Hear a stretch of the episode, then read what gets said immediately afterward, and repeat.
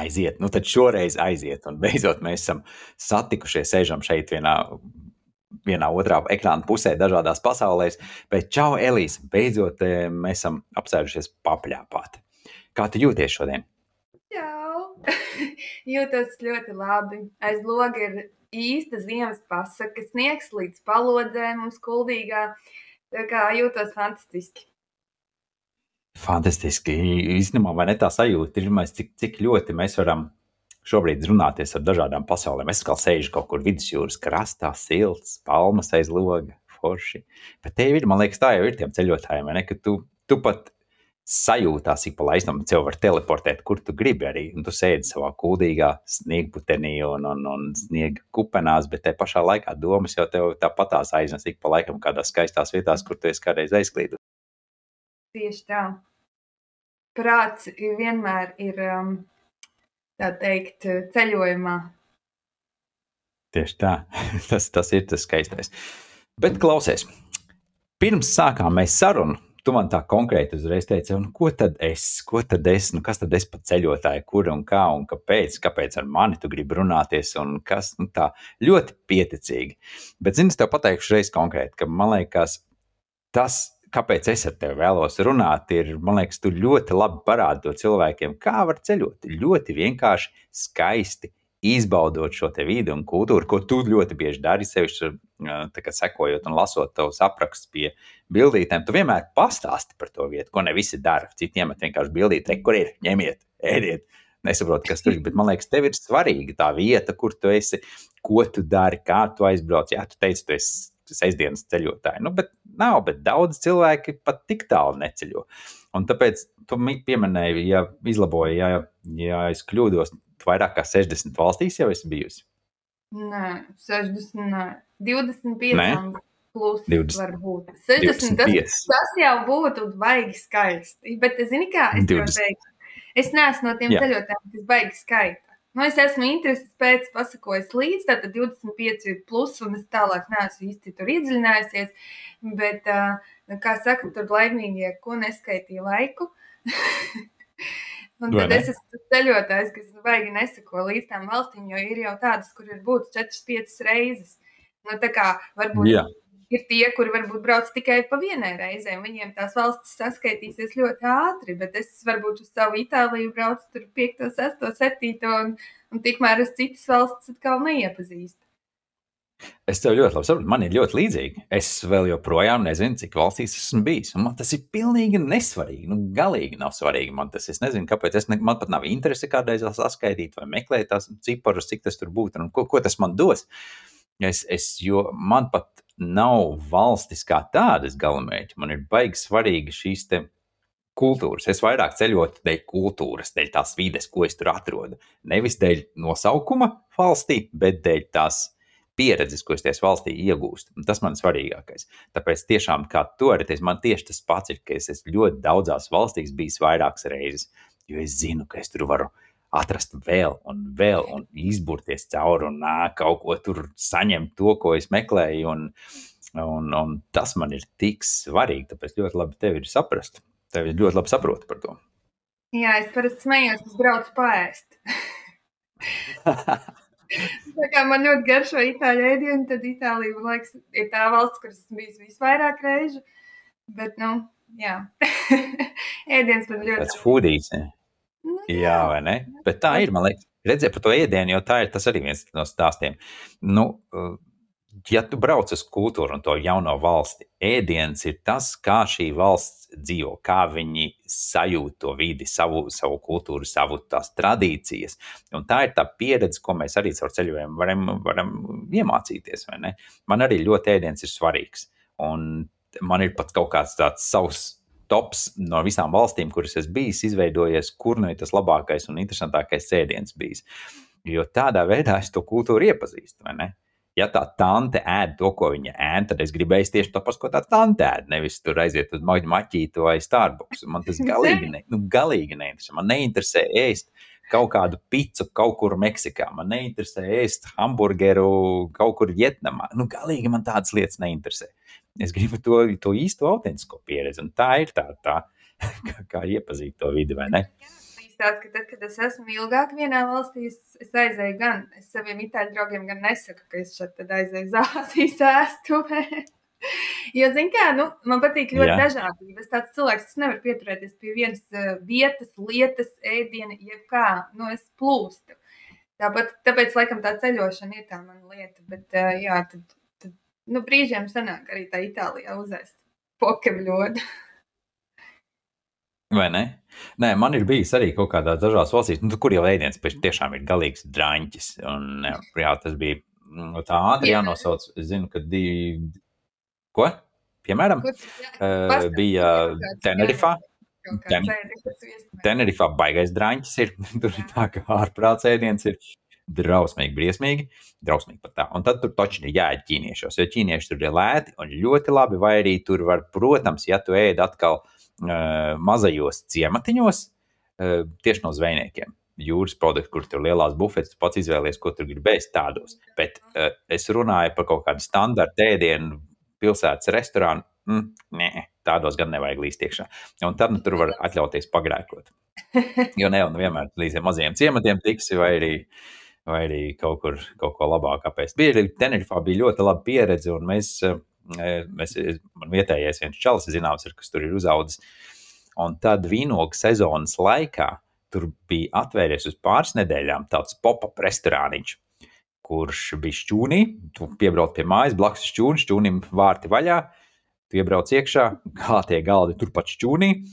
Kaut kāda improvizēta, pavisam improvizēta virtuvīte, kur tur vispār nekad neeksistē. Vienkārši tagad uztelējuši, un vienā galā televizors, garie galdi, visi sēž pie gariem galdiem. Uh, Tante atnāk, noskaita, kas viņiem ir. Ēdīs, nēdīs. Nu, tev izvēle nekāda nav. Nu, tad tev nes, un, un tur bija bomba ēdiens. Tas bija rīktīgi, rīktīgi grūts. Un bija viņi, viņi vietējais vīns, kas viņiem ir, jo tā ir vīna darītava. Nu, kāda tur vīna darītava, tāds tur mājas darītava. Un tad tur bija visādas labas lietas. Tur tiešām bija ļoti, ļoti, ļoti garšīgi. Bet nu, tāds redz, vietas ir jāmeklē. Tā nav Nu, jā, tas tā ir tāds tā pieredze, kādēļ kā es arī braucu. Tāda pieredze, vai ne?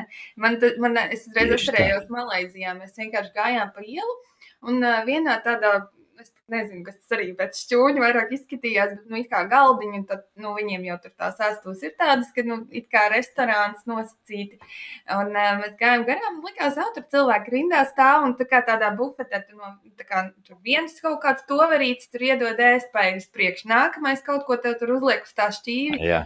Un mēs tur tā izējām, tā pa to rindu, beigās vēl banānu iedevu. Es pat neatceros, kas tur vispār bija ēdamajā. Mēs tik teicām, jā, to arī, to arī, nu visu mums vajag uz tā šķīvi. Un mēs tagad skatāmies, kur jāmaksā, kur kasa.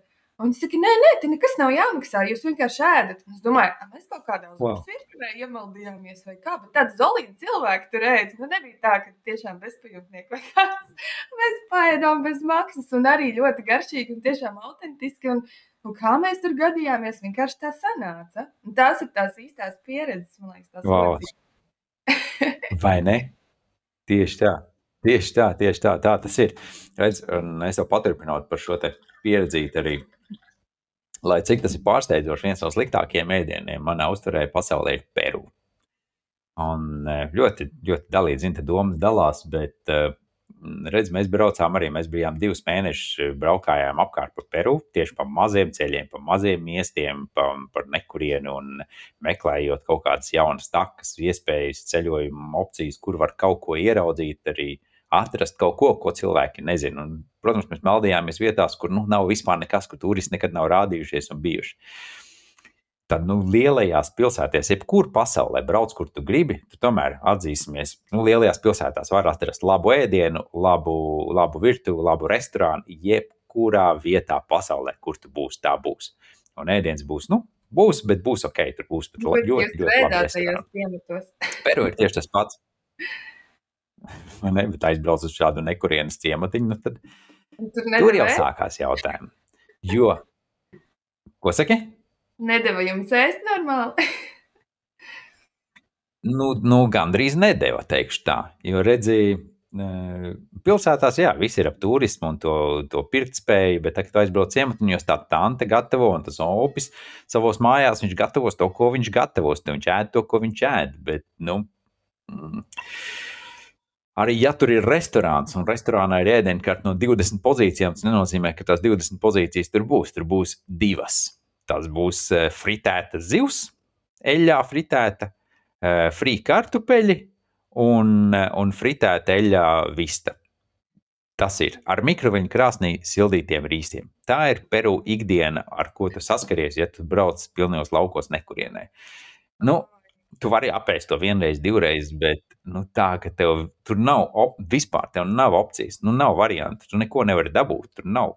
Un tas ir to, ko cilvēki ēd. Jā, mēs vienos laukos tur no onkas gribējām nopirkt kartupelīšu, redzēja, ka viņš pa lauku rušinājās pats un, un rakkartupelīšu gribēja nopirkt, viņš beigās mums uzdāvināja. Un tur blakus mājā, ātri tajā mazajā ciematā, piecu, ciematu, piecu māju ciematiņā vajadzēja norientēties, atrast, kur tad tos kartupelīšus liksim, kur mēs viņus vārīsim tagad.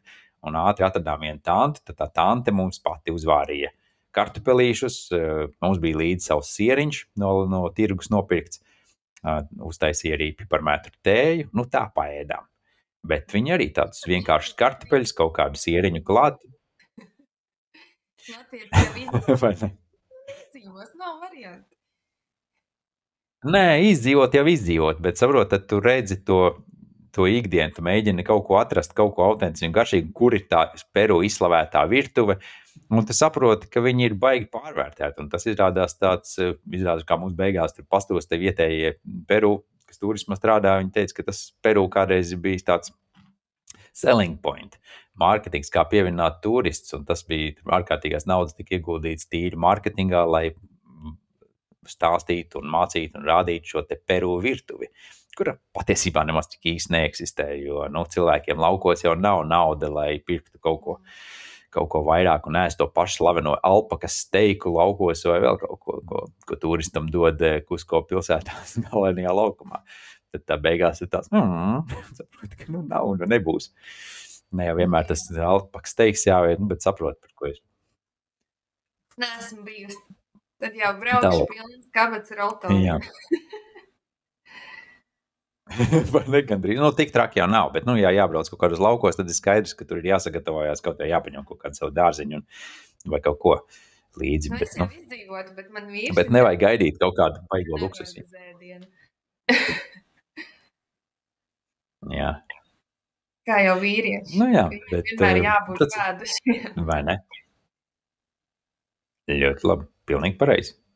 Pilnīgi pareizi. Jā, bet eh, runājot par to tādu paiešanu, nepēšanu, tev arī tev sociālajos tīklos, tu zinām, kā comfort in discomfort. Kā Nu, tā tas ir, jā. tur ir? Eh, Kāds tās tam aiz tā viss ir? Ai, tas ir garš stāsts.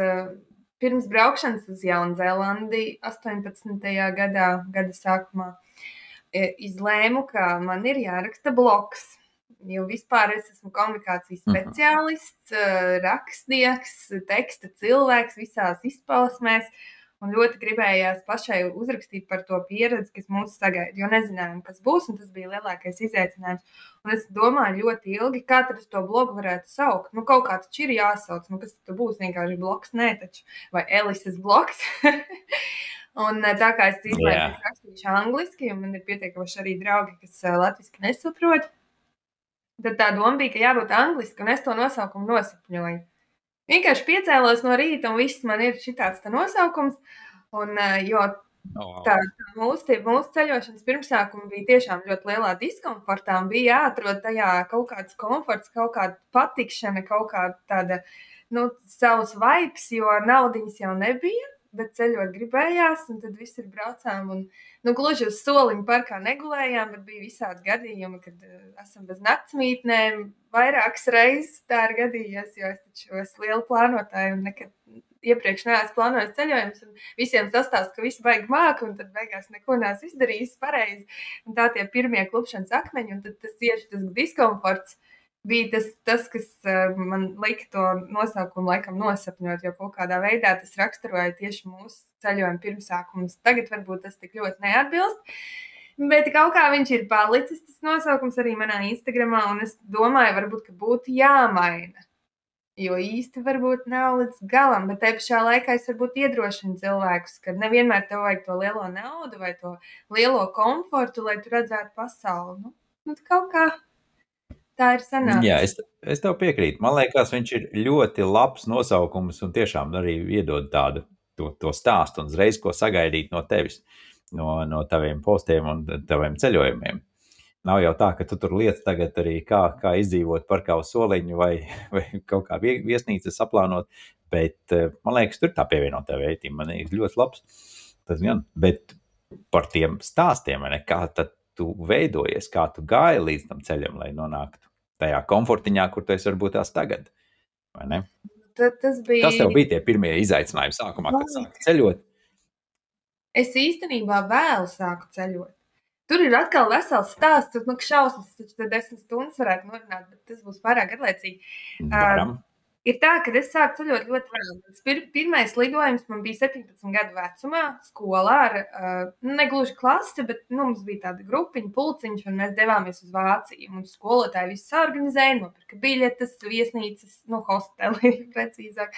Un viss bija tā kā uz paplātes iedots, un man izskatījās, ka tas ir tik nenormāli viegli. Nu, taču nopērts biļeti, tur kaut kur internetā atrod viesnīcu brauc. Nu, viss taču vajag elementāri. Tas, ka tev viss kāds ir sārganizējis, tas jau man tajos 17 gados nelikās tā baigi, kad, nu, kad, kad es to nevarētu. Man likās, ka es to visu varētu. Un um, pirms tam Man bija māsīca, man bija draudzenes, kas ar vecākiem ceļoja, tur 10, 12 gadu vecumā, un es tikai varēju brīnīties, kur viņas ir bijušas, ko viņas ir redzējušas. Un es sevi kā, kā bērns ļoti apskaudu tos cilvēkus. Un es sevī nolēmu tajā brīdī, kad es nākotnē ceļošu vairāk nekā viņi, kas īstenībā ir piepildījies. Redz, kā spīd strādā. Bet, uh, Bet, jā, es eh, pirmais ceļojums, ko es pati izplānoju, man laikam bija 19, es jau studēju. Un uh, bija, jā, pirmais ceļojums bija uz um, Briseli. Beļģijā gribējām uz Romu ar draugiem. Bijām trīs cilvēku kompānija, man draudzene un uh, viens no mūsu kā, kopējiem draugiem. Nu, lai tomēr puisis līdzi un bišķiņi drošāk. Un, uh, Un, uh, jā, jā es, es biju lielais organizētājs, jo neviens no viņiem nekad nebija pircis lidmašīnas biļetes. Bet es jau arī nebiju, bet man liekas, ka tas ir super vienkārši pēc tās pieredzes Vācijā. Un es nu, biļetes nopirku, mēs pat aizlidojām, un, un mēs bijām tur. Bet mēs, es kaut kā biju izdomājis, ka nu, naudas nav, mēs taču neņemsim šatlu par kaut kādiem. Es pat nezinu, cik tajā laikā viņš maksāja, nu, varbūt 5 eiro. Un šausmīga nauda studentam ārprāts. Tur taču var trīs dienas ēst. Un, jā. uh, Un tad mēs jā, uz liela kartona rakstījām Brisele viņu valodā, lai mūs ātrāk kāds paņem mašīnā un, un nostapējiet kādu mašīnu uz ātrgaitas šoseis. Nu, ļoti gudri. Visi skatījās uz lielām acīm, tad, protams, apžēlojās un paņēma. Likās, jāizglāb tie cilvēki, ko viņi dara ceļa malā. Jā, viesnīca, protams, nebija nobukojusies. Bet tā pirmā pieredze diezgan veiksmīga tad jau arī. Nu, Viss jau bija veiksmīgi. Protams, mēs tur iepazināmies ar vietējiem puišiem un gājām dzert alu uz, uz viņu to bāru, kur ir milzīga bieza grāmata ar, ar alus veidiem, ko tik viņi tur nepārdod. Mēs paši nekad viņu neatrast, jo internets bija nu, diezgan. Nu, tas jau ļoti daudz gadus atpakaļ, tas bija diezgan ierobežots. Telefonā tāda vispār nebija. Un tad ej, nu, atrod, kur tā tā viesnīca no stacijas ar papīra karti. Un otrais ceļojums bija uz to to, to sapņu zemi Romu, jo pirmajā jau gribējām, vienkārši bija par dārgu biļetes. Un otrajā reizē es jau braucu ar tiem pašiem diviem draugiem. Nezinu, kāpēc viņi parakstījās kaut ko tādu vēlreiz. Un ar mani tagadējo vīru. Uh, viņš arī nezināja, uz ko viņš ir vispār parakstījies. Mēs braucām uz Romu.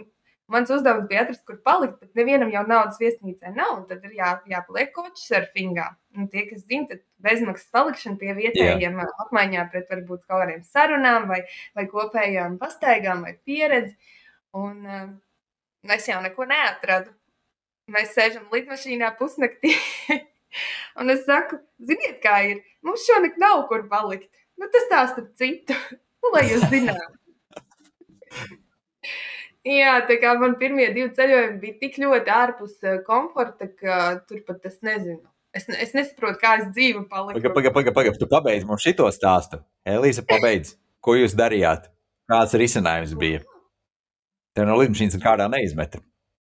Nu, nē, nē, nu, mēs izkāpām pusnaktīm, aizbraucām pat līdz Romas centram ar oficiālo autobusu. Tik daudz naudas mums bija. Un tad mēs bijām stācijas laukumā, Romas vidū.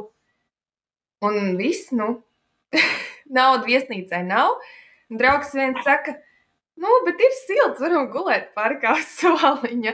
Laikam tāpēc viņš arī otrais parakstījās uz ko tādu, jo viņš ir gatavs uz tādām lietām. Bet nu, mēs nepalikām uz soliņa. Draudzenēji kaut kur attāli zināms puisis, vīrietis, kurš dzīvoja Romā, un, un viņa naktas vidū viņu kaut kā sadabūja rokā, un viņš apžēlojās par mums, un mēs gulējām viņa viesistabā uz grīdas. viss bija labi. nu, re. Tas, tas jau arī pierāda, ka atrisinājums jau ir vienmēr. Risinājums visām situācijām vienmēr ir. Tieši tā. Kaut kā jau tu izdeji no tām situācijām, un es īstenībā nezinu, vai, teiksim, citu cilvēku tāda pieredze nenobaidītu uzreiz. Nu, kad, ai, visādi tur faili un negadījumi un neizplānotas lietas, man tas tieši bija tāds, nu jā, bet viss taču beidzās labi, nu daram vēlreiz. Tagad jau tā plānošana ir tāda nu, ļoti elementāra. Mm. Vai ne? Te ir tā, es pirms kaut kāda laika lasīju arī vienu blogu, baigi interesants. Viņš nebija tā baigi nopietni, bet tajā pašā laikā nopietni ap, apkopots ar kaut kādu statistiku. Un tur bija viens no punktiem, kas man ļoti labi patika par to, ka ceļotāji, kur sāk ceļot šitā spontāni ar backpacking un, eh, un, un, un, un tādā baigā valdā bez nekādas lielas plānošanas, viņiem pirmais ceļojums vienmēr būs veiksmīgs. Vienmēr. Tur nebūs fail, tur nebūs nekas, jo mēs to vēl ietveram kaut kādu drošo taciņu kaut kur zemapziņā. Pēc tam tālāk, tad jau mēs iekuļamies nepatikšanās un kaut kādās bedrēs un, un kaut kāda tur, tur kaut kāda pārbaudījums vēlākiem mums uh, sūta dzīve. Bet sākumā viss ir ļoti skaisti, viss ir forši, mums ir jāiziet cauri, mums ir jāsaprot, ka jā, to var darīt, un tas tas iedrošinājums ir no tās dzīves. Var jau būt, ja beigās vēlāk, kuri, kuri tā tad aplaužās, sabīstās pavisam no tās jau jaunās pieredzes, un tad beigās ir tā, ka tad arī brauc eh, drošāk un organizēti un, un, un, un, un varbūt dzīvo kaut kādās drošās vidēs un vairāk nepaļaujas avantūram. Bet tie, kas izdzīvo Jā, un iziet cauri, mēs ko izdarām, mēs metamies vēl vairāk. Jā, ka var ceļot ļoti dažādi. Tas, tas ir ļoti skaisti. Un, un es atbalstu pilnīgi visu veidu ceļošanu. Vienalga, vai tu esi tāds rītīgs Jā atvaļinājumu cilvēks, kurš tikai ar tūru operatoru brauks un gulēs pie tā baseina. Nu, ja tu tā gribi, nu dari tā. Nu, tas jau nav nekas slikts. Es, es esmu vienreiz pamēģinājis, tas īsti nav priekš manis. Un, nu, Katram ir tas savs, un, un te pašā laikā tādi cilvēki saka, o, oh, tu tā vari, tu tā braukā, tu tik daudz redzi, un tu tā nebaidies. Un, un tad ir tāds, bet tu neesi tā tipa cilvēks, acīm redzot, tāpēc tev tas basēns un tā viesnīca un tas komforts un tas plāns, ko kāds tev ir uztaisījis, tev dara daudz labāk. Un tu nemaz īsti, nu, kaut tev liekas vizuāli, ka tu gribētu, tu nemaz tā īsti, nu, līdz galam negribētu gan tā kā es. Tā ir. Palielam jau vienalga, jebkurā ceļojumā, kur mēs dodamies, protams, mēs dodamies pēc kaut kādas pieredzes, kaut ko meklēt, kaut kādām sajūtām pakaļ. Bet te ir otrs, tas aizmugures apstākļus, tā ir atpūta. Un tas ir tas viens no primāriem, ko mēs jebkurā ceļojumā gribam. Mēs gribam atpūsties. Mēs gribam no savas vidas projām. Mēs esam paņēmuši tādu, es runāju tagad par kaut kādiem digitāliem nomādiem tikai. Bet, ja tu strādā savu darbu, tu paņēmi savu atvaļinājumu un tu ceļo, tu gribi atpūsties. Tu gribi redzēt to jauno vidi un kultūru, bet tu gribi atpūsties. Un, kā tu pareizi saki, katram cilvēkam tas atpūtas. Tas, tas, tas fons, kā viņš redz to atpūtu, un tā pasaule ir savādāka. Vienam tā ir pie baseina, citam tā ir ielikt kaut kādā pilnīgi trakā un neatklātā ezerā, kur nezinu, kas tur apakšā peld. Un kaut kā tā, katram savs. Kas ir tavs, kas ir, kas ir Elīze? Pastāsti man, kas ir Elīze.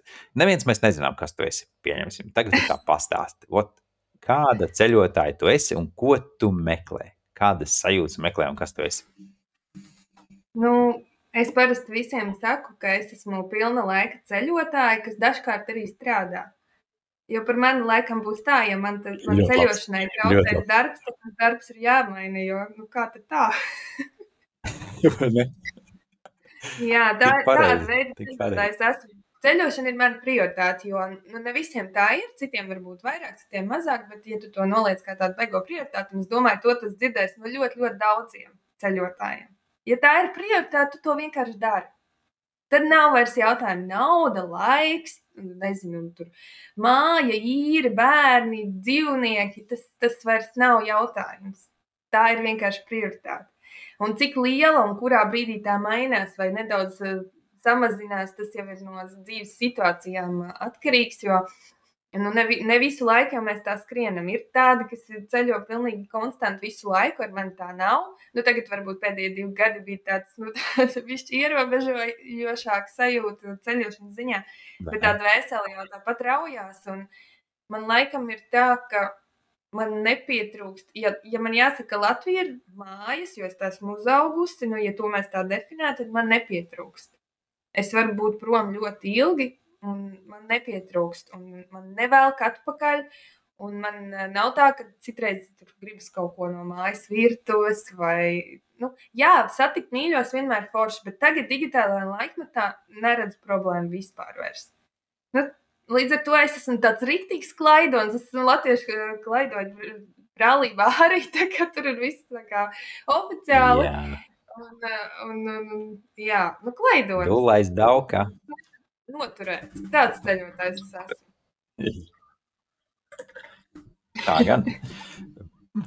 Bet ko tu meklē? Kas tavos ceļojumos ir tas svarīgais? Mēs visi tomēr kaut kam skrienam pakaļ, kaut ko gribam atrast, vai tas sajūtas kultūra, ēdienas, tu pieminēji, bet kas ir tev, kas tev primārais, ko tu tajos ceļojumos gribi atrast? Laikam jau tie ir tie iespaidi un uh, iespēja sevi iepazīt labāk svešā vidē, Jo man šķiet, ka man tie ceļojumi ir devuši ļoti plašu skatījumu, kā jau vairumam ceļotāju. Es domāju, jo viņi redz, ka lietas var darīt savādāk, ka uz problēmām var skatīties savādāk, ka nevienmēr tas, kas mums te ir ārprāts pasaules gals, citā valstī tas vispār neko nenozīmē. Un tu sāc skatīties uz lietām, kā vairāk kādi ir risinājumi, nevis kur ir, ir problēmas. Jo, un tieši par ceļošanu tu zaudē ļoti daudz cilvēku savā dzīvē, jo ja viņiem fokus ir kā šim risinājumam atrast maksimāli daudz problēmu, tad tu vairs nevari nekādu sarunāties ar šādiem cilvēkiem. Tas vienkārši nestrādā.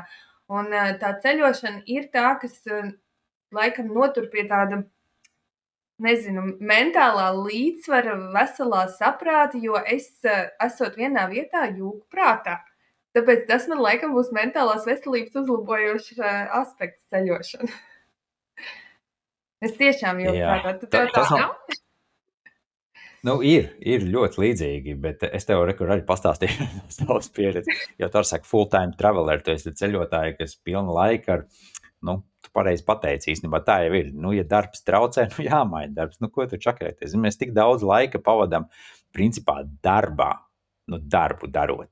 Bet ļoti daudz cilvēku jau dara lietas, kas, nu, viņus nepiepilda. Nemaz viņiem neizraisa nekādas pozitīvas sajūtas. Tur vairāk besījās ārā par to, kas ir jādara, tāpēc, ka ir jāizdara, bet nevis tāpēc, ka tas ienest kaut kādas vērtības viņiem. Un tas pats jau par to pašu ceļošanu arī.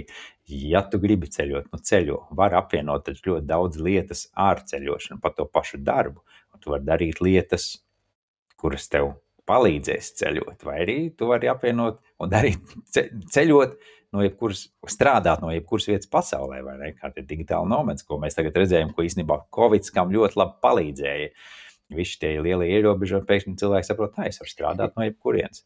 Un tu jau teici, ka tu arī to gribi darīt. Nu, tāpēc tas ir, tas ir tāds, tāds, mēs dzīvojam tik fantastiski skaistā laikā, ar tā tik daudz iespējām. Uh, Bet mēs neesam piesiesti videi.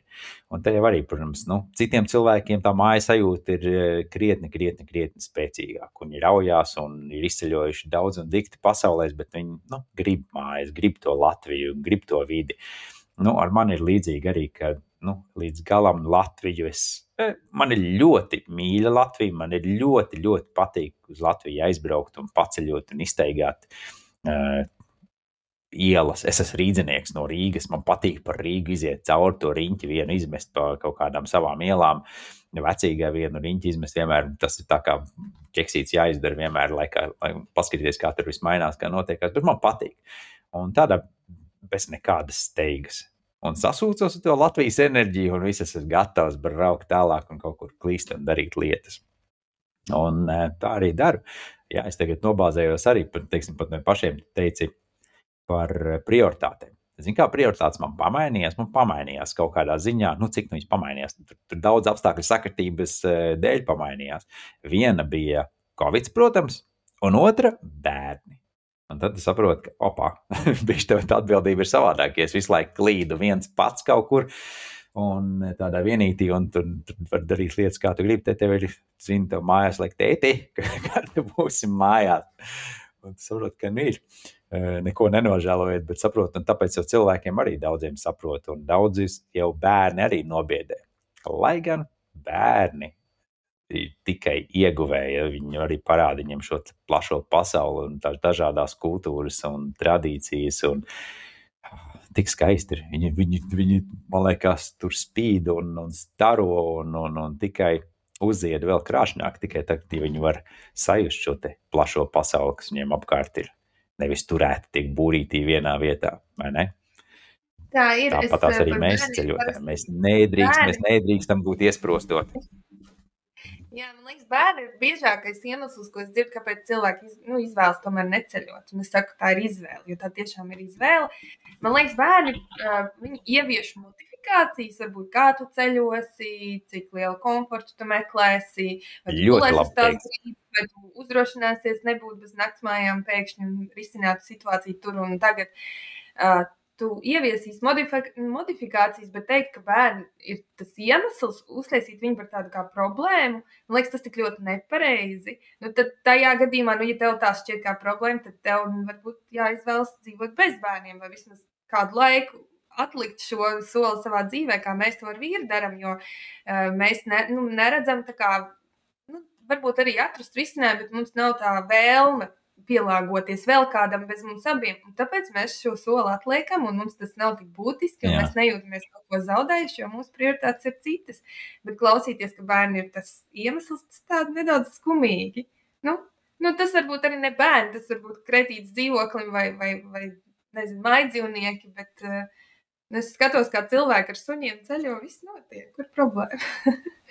Jā, te jau man liekas, zin, arī daudz, daudz tie punkti, pareizi pieminēja par bērniem. Tur ļoti labi pateicis, ka principā tās ir modifikācijas, vienkārši jāpielāgojas un savādākas tas, tas lietiņas, kā mēs ceļojam. Varbūt nu, tādā baigā wildā, tur uz Gvatemalas džungļos savus bērnus pagaidām vēl nevedīšu iekšā, bet, bet nu, visam savs laiks. Bet tāpat, tās, protams, cilvēkiem uzreiz citas atrunas. Tur, teiksim, jā, mājokļa kredīts vai tur vēl kaut kādas lietas ir, kas, kas visu to ietekmē, kaut kādi savi biznesi. Un, bet eh, mēs dzīvojam arī, kā jau teicu, ļoti interesants laiks, un ļoti daudz arī ienākumus var mācīties iegūt citādākos veidos. Tev, lai tev nav tikai tas um, viens ienākumu avots, bet lai tev ir dažādi un vairāk, un to mēs varam darīt neatkarīgi no savu pamatdarbu, un kas palīdz arī ceļot vairāk un, un, un plašāk. Tas saucamais, ko mēs zinām, ir digitāli nomāds, viss dzīvo uz tādiem passive income, vai ne? Uh, Un tas jau ir vēl viens veids, kā to visu atvieglot, man liekas. Ko arī cilvēki tagad sāk mācīties un uh, saprot, ka ir tāda opcija.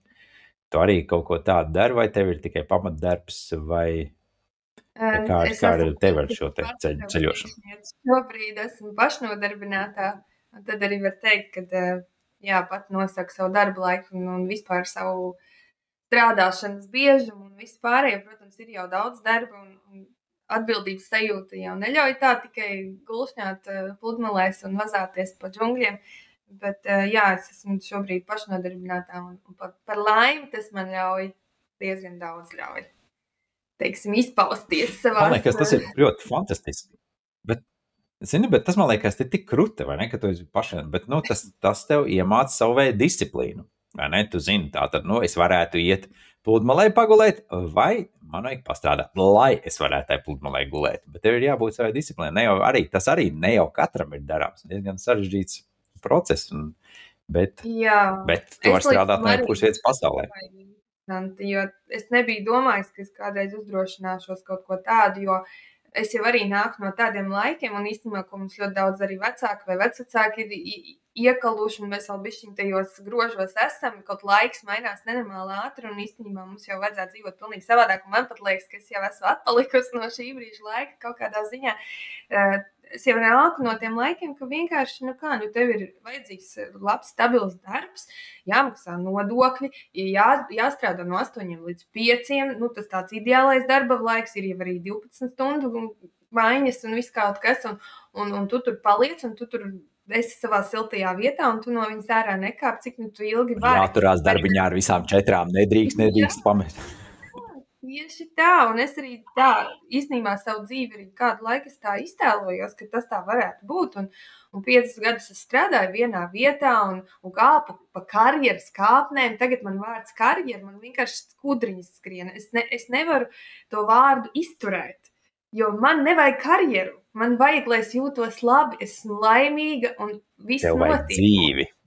Man vajag dzīvi, man nevajag karjeru. Un tik daudz esmu runājusi ar Eh, karjeras konsultantiem un, un arī teiksim, tiem, kas eh, personāla atlasē strādā. Un, un, jo man bija šis ļoti finansiāli grūts gads, ja tā var izteikties, jo es zaudēju darbu gada sākumā. Un, um, jo vienkārši nu, tā kā nevarēju vairs atļauties darbiniekus saistībā arī ar Covid kaut kādā mērā. Un, un tas darbs man ļoti patika. Man beidzot bija darbs, kas man nepiešķīra vietai, un priekšniekam bija vienalga, vai es sēžu Spānijā, vai es esmu tepat Latvijā. Un, un es tiešām mīlēju to Tieši darbu. Es zināju, ka tas darbs man parādīja, kādu sajūtu es gribu.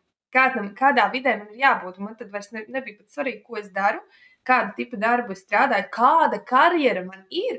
Galvenais, lai es dabūtu atpakaļ to sajūtu. Un man gāja ļoti daudz mēnešu šogad, kad es nevarēju pieņemt to domu, ka varbūt, un es pat nezinu, nu, kaut kā neizdevās atrast pa tiem mēnešiem darbu. Likās, ārprāts, es esmu digitāls cilvēks, mūsdienu profesijas, komunikācijas, kopīvrētars, web administrators, es tad programmēšanu esmu pamācījusies. Nu, tādas it kā mūsdienīgas lietas, un man nekur tā kā īsti neņem. Un es nevarēju saprast, kāpēc. Bet tieši tāpēc, ka man nevajag strādāt kādam, man ir jāstrādā sev. Un es to nevarēju, man bija tik grūti ar to. Nu, domu aprast un uzdrīkstēties un iekāpt tajās kurpēs. Un tad, kad es beidzot pieredzēju kā pašnodarbinātā, man bija tāda sajūta, kas tagad būs. Neviens taču man nezina, kam tad es strādāšu, kam no manis kaut ko vajadzēs. Un tad, kad es domāju, nu labi, nu es taču zinu, kā tās lietas mūsdienās strādā. Instagram, Facebook, reklāmas, liekam labu saturu, mūs atradīs atslēgas vārdi. Un es pat nepaspēju neko iz, ielikt. Man ir tikai konti uztaisīti, ka man sāka nākt pasūtījumi. Vienkārši tā, wow. tie visi ceļi ir neizdibināmi. Tāpēc, jā, es varētu teikt, ka tikai tā, tāpēc, ka man laikam bija galvā tā doma, ka es neļaušu sevi ierobežot savā laikā. Nu, es nevaru tā, ja man pateikt, un tu no 9 līdz 6, no 8 līdz 5, vai no kuriem laikiem līdz kuriem sēdēs pie datora, tāpēc, ka es kā priekšnieks tev tā pateikšu, Es to negribēju, un acīm redzot, tāpēc man nekur neņēma. Pat ja es to nebiju nevienam teikusi, nu, ka es tādu darbu nestrādāšu. Tieši Manā galvā pilnīgi pareizi, pilnīgi pareizi. Bija. Man nebija jābūt tur. Jo visticamāk, man ierobežot kaut kas. Nu, redz, nē, pilnīgi tu ļoti, ļoti labi izstāstīji, uzbūri ainiņu, kā tas ir. Tā jau ir. Mēs mums jau visi galvā. Ja tu esi gatavs kaut kādam solim, tad nedrīkst likt vēl sev prātā šos blokus uzdot, kāpēc nē, kā es esmu slikts, es tur neko nevaru, es tur šitā, es tur tā.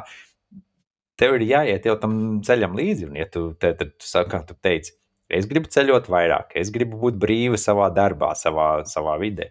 Un tad tas tev atnāks pats pie sevis, bet nu, ir jādara kaut kas. Tas tāpat tās pat kā, kā pat loterijas biļeti. Nu, mēs nevaram minēt loteriju, ja tu nenopērci biļeti, vai ne? Tev ir jādara kaut kādas soļi uz to. Mēs visi gribam būt kaut kur, bet nu, cik daudz no mums dara šos mazos solīšus, lai nonāktu tur, kur mēs patiešām gribam. Un te jau ir tāds tavs darbs, tagad iedot tev brīvību arī ceļot un redzēt to pasauli, to, ko tu vienmēr esi gribējis. Daudz tā grib, bet daudz no tevis var iedvesmoties tieši dēļ šiem stāstiem un tie, tā, kā tu to esi izdarījis. Un tas, man liekas, ir tas skaistais.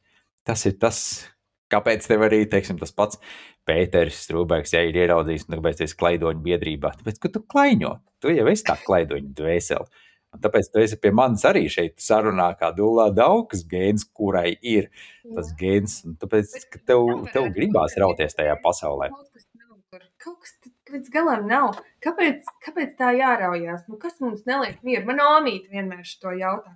Nu, kur tev jāskrien? Nu, ko tu tur neesi redzējis? Nu, ieslēdz rekordu Discovery, ieslēdz, ieslēdz National Geographic. Viņi visu laiku ceļo, sēžot pie televizora. Viņi man stāsta tādas lietas, kuras vispār nezinu. Par Islandu, par kaut kādiem pingvīniem, par kaut ko. Viņi visu laiku ceļo. Viņi saka, kur tev jāskrien, kur tev televizoru nopēc. Man televizors 11 gadus nav. Es viņus arī nelasu kaut kādā pēc profesijas žurnālistu, tur atkal cits stāsts. Bet tā ir, ka kaut kas mūsos ir, kaut kas mūs vēl, kaut kas neredzams, kaut kāds spēks, kaut kas nav tā kā visiem pārējiem, jo ir cilvēki, kas nesaprot. Ir vairākas kategorijas. Piekrīti, ka tas ir ļoti izteiksmīgs gēns latviešiem mums. Vai domāju, tas tomēr ir visiem pasaulē? Nu, zini, kā ir. Laikam jau nevar teikt, ka tikai latviešiem.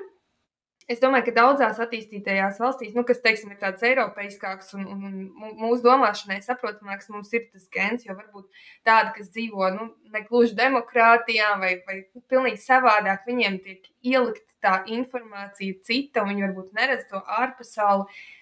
Un viņiem tā ceļošana arī nevelk. Viņi tajā savā ciematā nodzīvos to visu mūžu, jo tur ir droši, tur ir labi, un ārā tur ir ļaunā pasaule.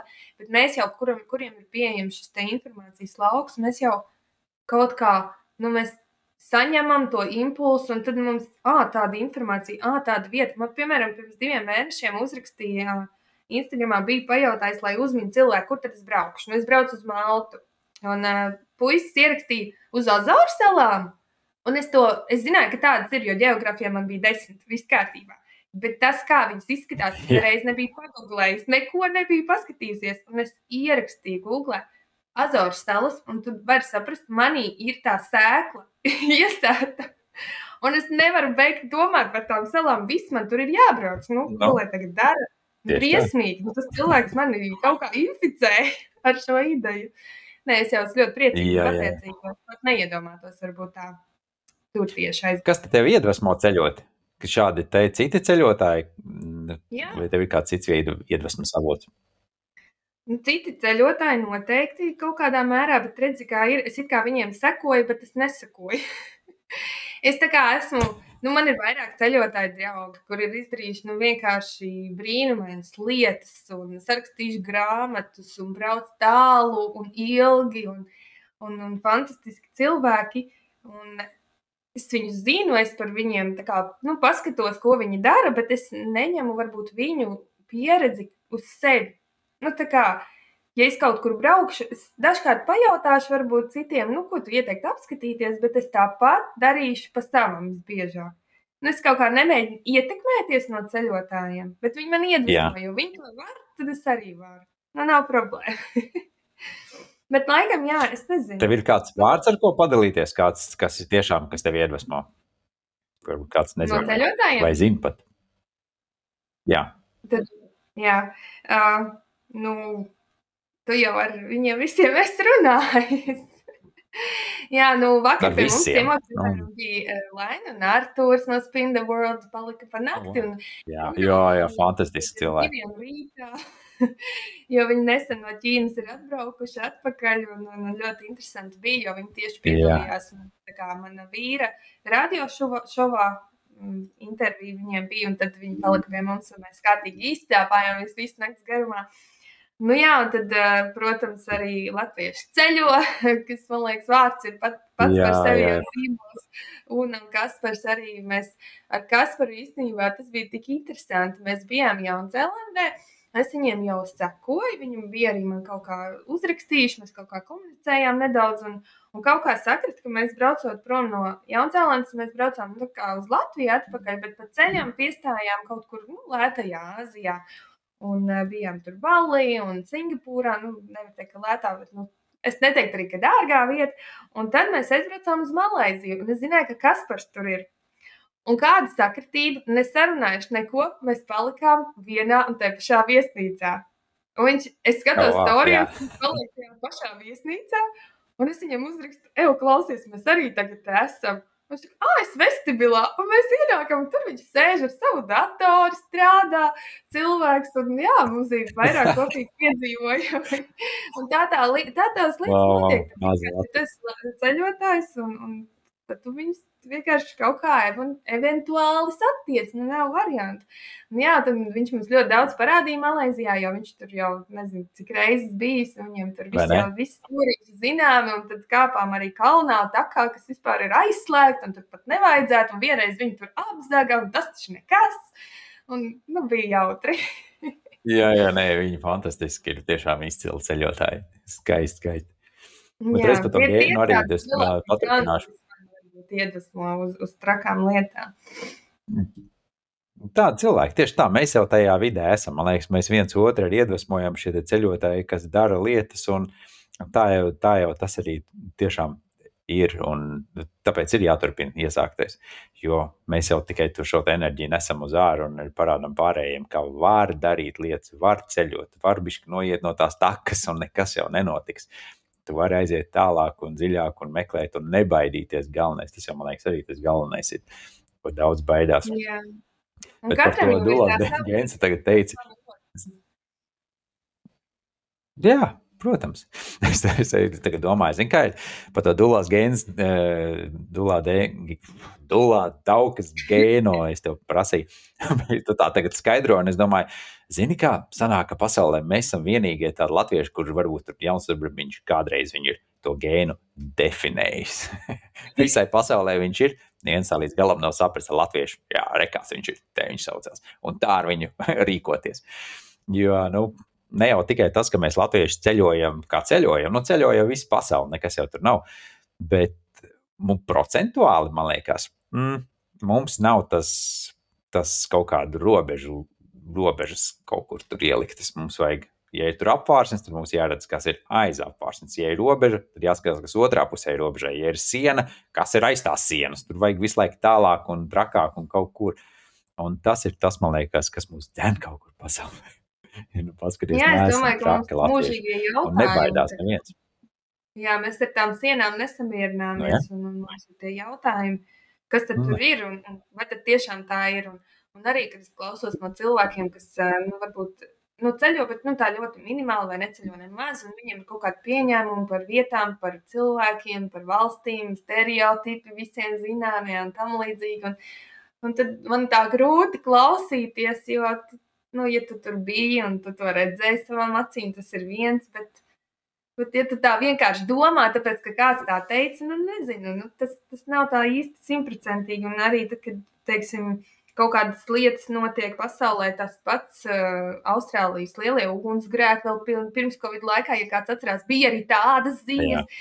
Tad uh, es arī rakstīju cilvēkiem, ko pazīstu Austrālijā, nu, cik traki ir, cik tie dūmi un vai jums tur vispār debesis redz. Un, un bija tādi, kas Es pat nezinu, kādā informācijas laukā viņi dzīvo, bet bija jautājums, kāda ugunsgrēka. Nu, tad kādā citā valsts daļā tas vispār nav aktuāli.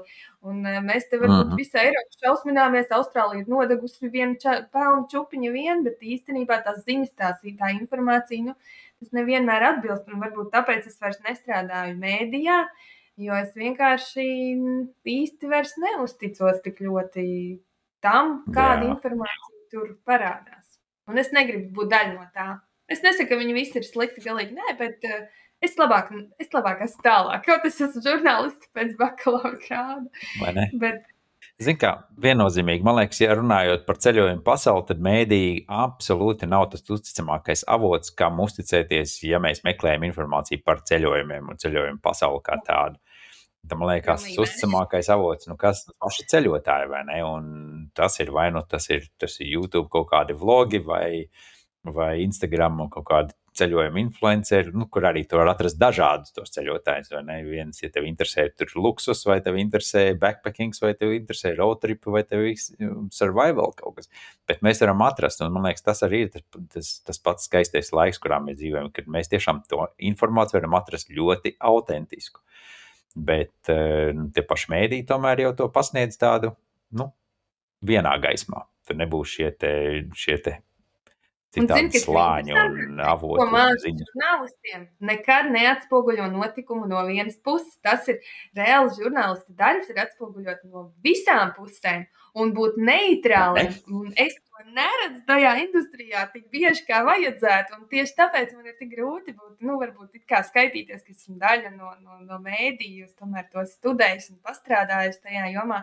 Bet uh, it īpaši saistībā ar ceļošanu, nu, ja tu sēdi tajos uh, tiešām ziņu lapās un lasi, kurš kanibāls kuru ir atkal apēdis, kurš tur kuru ir, nezinu, ievilcis mežā, kuram kaut kas ir atņemts, cik traki tajā Āfrikas valstī vai, nezinu, tur vai šur. Un tad kā tu vari gribēt ceļot? Nu, tu negribi. Tev vienkārši tie nenormāli uzpūstie virsraksti nobaida pašā saknē. Tu nemaz vispār degunu no mājas ne, ne, neliec ārā. Tev ir labi tur siltumā.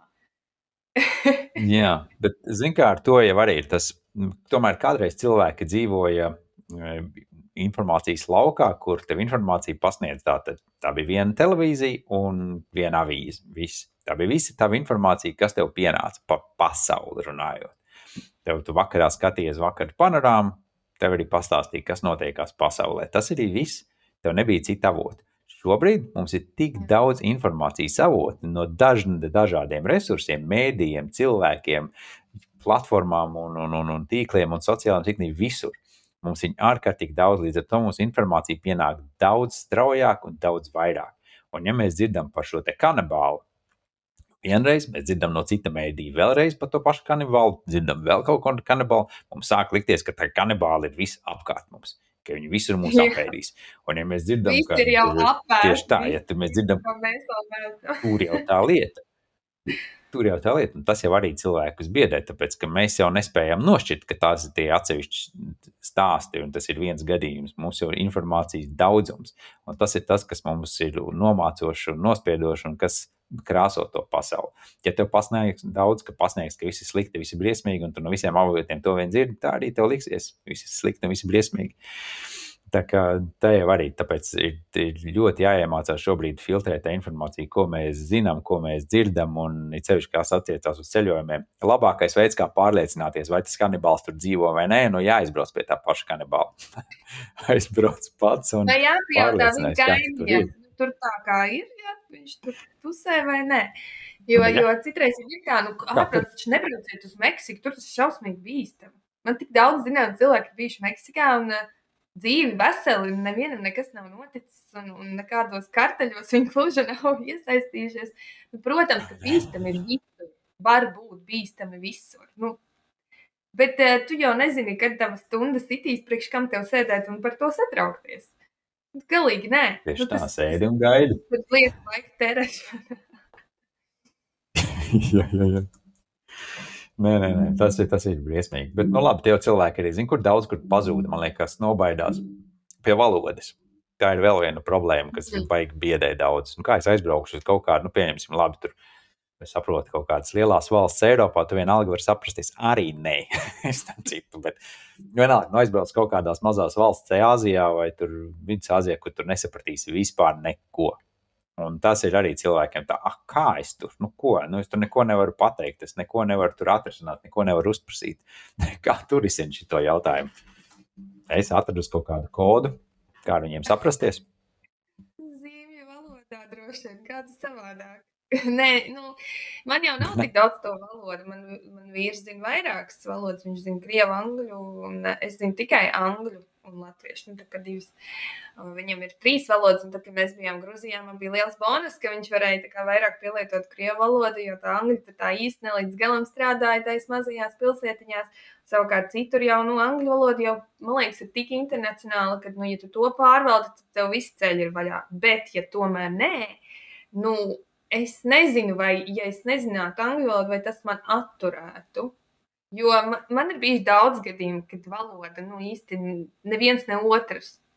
Un tāpat visu mēs izdarām, visu mēs saprotam. Kaut vai tas pirmais ceļojums uz to Briseli, un mēs stāvējām ar to uh, plakātiņu, ka mums vajag uz, no lidostas tikt uz Briseles centru, un mums piestāja puisis. Man liekas, ka viņš tikai franciski vien runāja, un mēs neviens neko franciski, un Jā. viņš neko ne angliski, nekā. Un visu ceļu pļāpājām. Nu, nu ne kaut kā sanāca. Neviens īsti neko valodiski nezina. Man liekas, tas ir cilvēkiem jau dabiski mūsos iekšā, ka mēs jau mācīsim komunicēt. Vai tās būs zīmes, vai te, tie būs kaut kādi žesti, vai vienkārši rādot uz priekšmetiem. Nu, tu, tu vienkārši atradīsi. Tas būs ilgāk, varbūt nedaudz sarežģītāk, varbūt iespējams pārpratumi, bet tas nebūs tā, ka nu nekā un nemaz. Nu, varbūt ir jāievāc vairāk informācijas pirms tam, kā kur nokļūt, kamēr tu esi, teiksim, varbūt pie datora un var latviski izlasīt, kā tur nokļūt. Jā, ja tu baidies, ka zīmes nebūs valodā, ko tu Jā, jā. pārvaldi. Bet es neredzu šķēri, es tiešām neredzu. Nu, ja mēs gribam attaisnojumus, kāpēc neceļot, var daudz izdomāt. Man nav tādu. Bet šis noteikti nav attaisnojums. Valoda noteikti nekādā gadījumā nav attaisnojums. Visas pasaules valodas jau mēs tāpat nevaram zināt. Es, es pēc dzīvošanas Spānijā tos dažus uh, nedēļas es sāku mācīties spāņu valodu pašmācības ceļā. Nu, tīri, lai, lai vienkārši, nu, tomēr spāņu valoda diezgan spēcīga, daudz kur noder, nu, kaut, kaut kādu priekšstatu par, par lietām un kaut kādus uzrakstus varbūt saprast, un īsti jau runāt es nevaru. Bet interesanti bija tagad, šogad braucu mājās no Santorīni, devos uz Santorīni lidostu ar autobusu un apsēdās blakus man dāma no Brazīlijas. Un, Un viņi tik ļoti grib ar mani runāt, un viņi tur kaut ko dikti stāsta. Un es tiešām kaut ko pat arī sapratu. Un izrādījās, ka, jā, ka viņi ir mākslinieci, ka viņi ir 60 pār gadu, un tādas elementāras frāzes jau nav tik grūti arī iemācīties. Nu, ja tik ļoti liekas, ka bez valodas nekāda. Un, un, un, tad mēs pat norunājām, ka mēs Facebookā sarakstīsimies, lai es to spāņu valodu varu patrenēt, jo viņi angliski pilnīgi nemaz nerunāja. Nu, tā kā nemaz, nemaz. tā kā tas ir interesanti, tas paver tādas foršas iespējas. Un īstenībā vienmēr, kad es kaut kur braucu, es vienmēr iemācos tos divus vārdus, paldies, lūdzu. Un, un, un, jo nu, tas tomēr ir ļoti pieklājīgi arī sasveicināties tās valsts valodā, kaut vai tas akcents ir briesmīgs, vai tu ne tā varbūt saki, bet cilvēkiem smaids sejā, tu centies, tu, tu, tu neesi tā kā, nu, neignorē to, ka tu neesi mājās. Tas, tas ir forši un tas ir, man liekas, ļoti labi. Un tos divus, trīs vārdus iemācīties var katrs. Nu, tad, tas tiešām ir grūti. Un, ja tu varēsi pateikt, paldies, vai lūdzu, vai, vai, vai šīs frāzes, tad, ja tu esi nelaimē, nu tev nepaies garām. Vienalga, kurā valstī, nu, lai kādā valodā viņi runātu. Tieši tā. Man liekas, te jau nav tālu jāmeklē. Paskatieties, Latvijā paši, vai ne? Ja jau kāds ārzemnieks tev pateiks to pašu latviešu, skaismuki, paldies, labdien, sveiki. Nu, wow, tur latvieši uzreiz izkūst, taču nu, tas ir ārprāts. Nu, kāpēc pasaulē, lai tā nebūtu? Tieši tas pats ir elementārās frāzītes, iemācīties, un tas atver durvis, tas, eh, tas sasilda sirdis un dvēseles, un cilvēkiem ir prieks. Un nevajag baidīties, ja tev tur ir slikta izruna vai kas, nu runā kā tu māki. Un pat ja nemāki, tiešām tad ir jārunā, ja nevienā valodā nemāki runāt, no latviski. Ar visām pasaulē vajag runāt latviski. Nu, ja viņš nesaprot angļuiski, kāda atšķirība, kāpēc tev jārunā lauzīta angliski vai spāniski vai vēl nezinu kā, runā latviski. Un viss, un tad, ir, tad tas pierāda, tāpēc, ka tādā, brīdī mēs runājam pārliecināti. Mēs runājam savā dabīgajā valodā, pārliecinātām lietām un ar pārliecību. Un cilvēks jau to uztver. Viņš uztver to enerģiju, ko iznes un šīs vibrācijas caur balstu valoda jau arī īstenībā ir tāda enerģijas apmaiņa. Eh, un, ja tu ej ar pareizo attieksmi, arī ir atslēgas vārds, ja tu ej nevis ar tādu bravūrīgumu, bet es te esmu priekšnieks ja, šajā valstī, kā iebraucējs, un es tagad runāšu tikai savā valodā, un es pat necentīšos nevienu vārdu apgūt, un necentīšos nākt jums pretī, tad jau arī tu neko nepanāksi. Tad tev būs grūti ceļot, tev vienmēr būs šķēršļi, problēmas, un nekas nesanāks. Bet tad, ja tu esi ļoti atvērts, tad Kaut vai tu runā tikai latviešu, ko es esmu darījusi, jau vienkārši nav variants. Nu, tu, tu enerģētiski to informāciju tu tāpat nodos, jo mēs visi esam cilvēki un mums ir vieni tie paši receptori smadzenēs, un mēs uztversim ne. lietas. Ātrāk vai vēlāk sanāks. Tā gan. To pilnīgi, pilnīgi, pilnīgi. Cilvēki, tev nesaprot. Nē, nē, visi, visi var saprasties jebkādiem cilvēkiem, jebkurā vietā.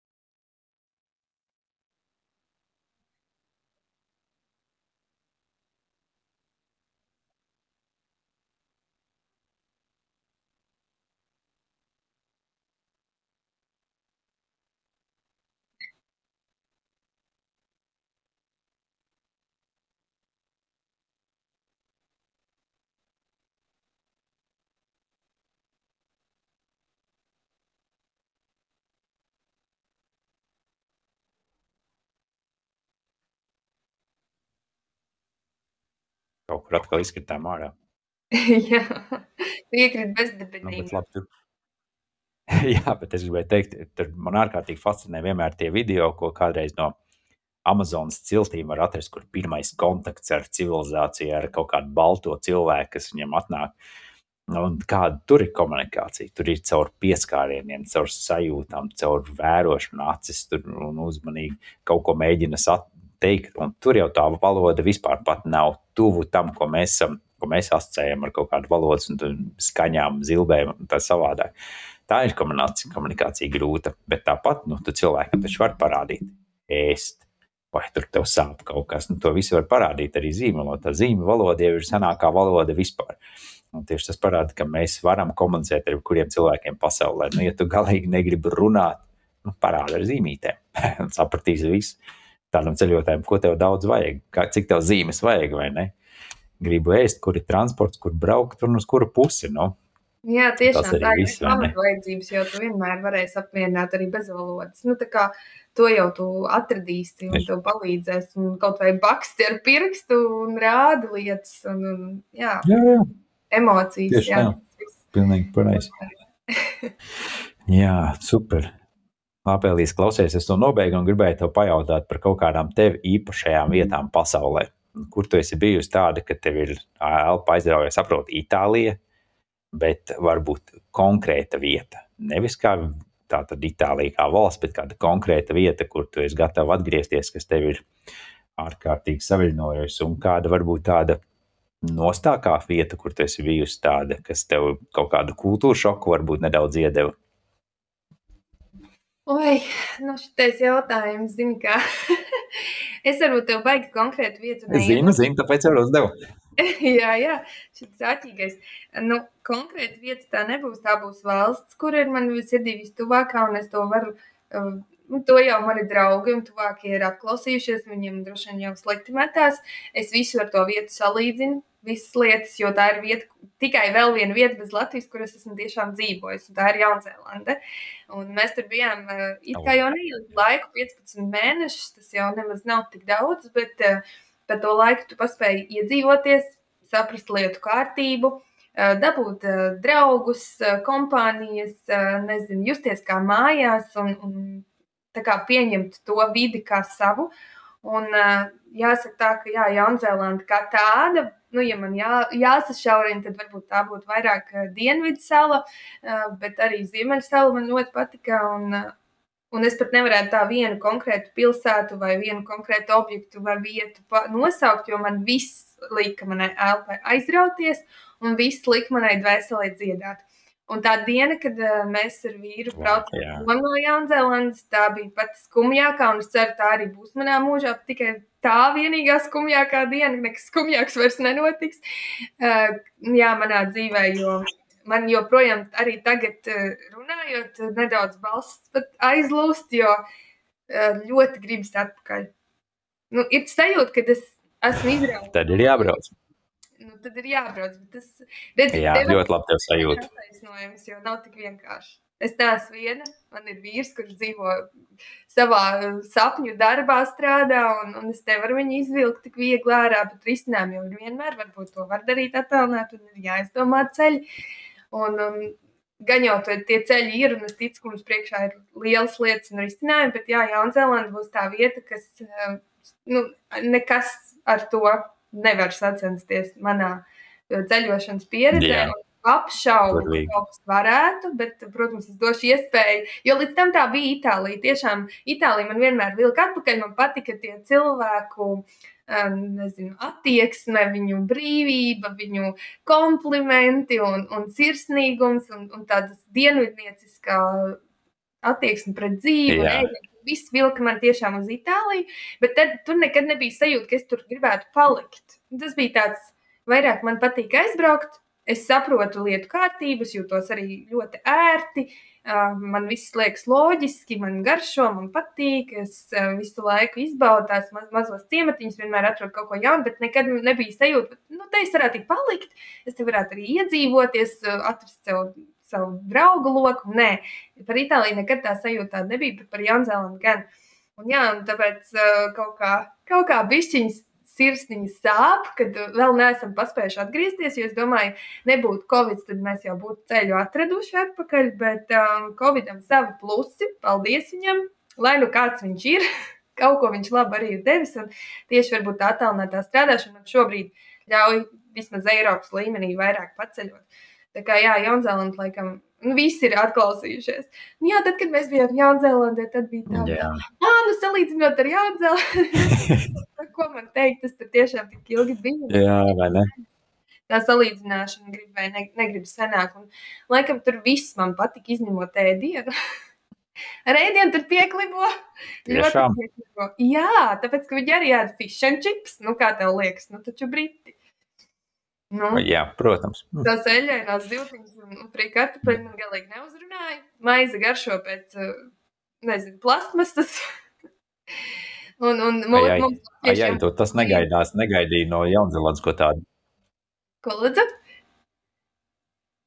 Negaidīja no Jaunzēlandes ko tādu, ka to rēdienu ir tik slikti.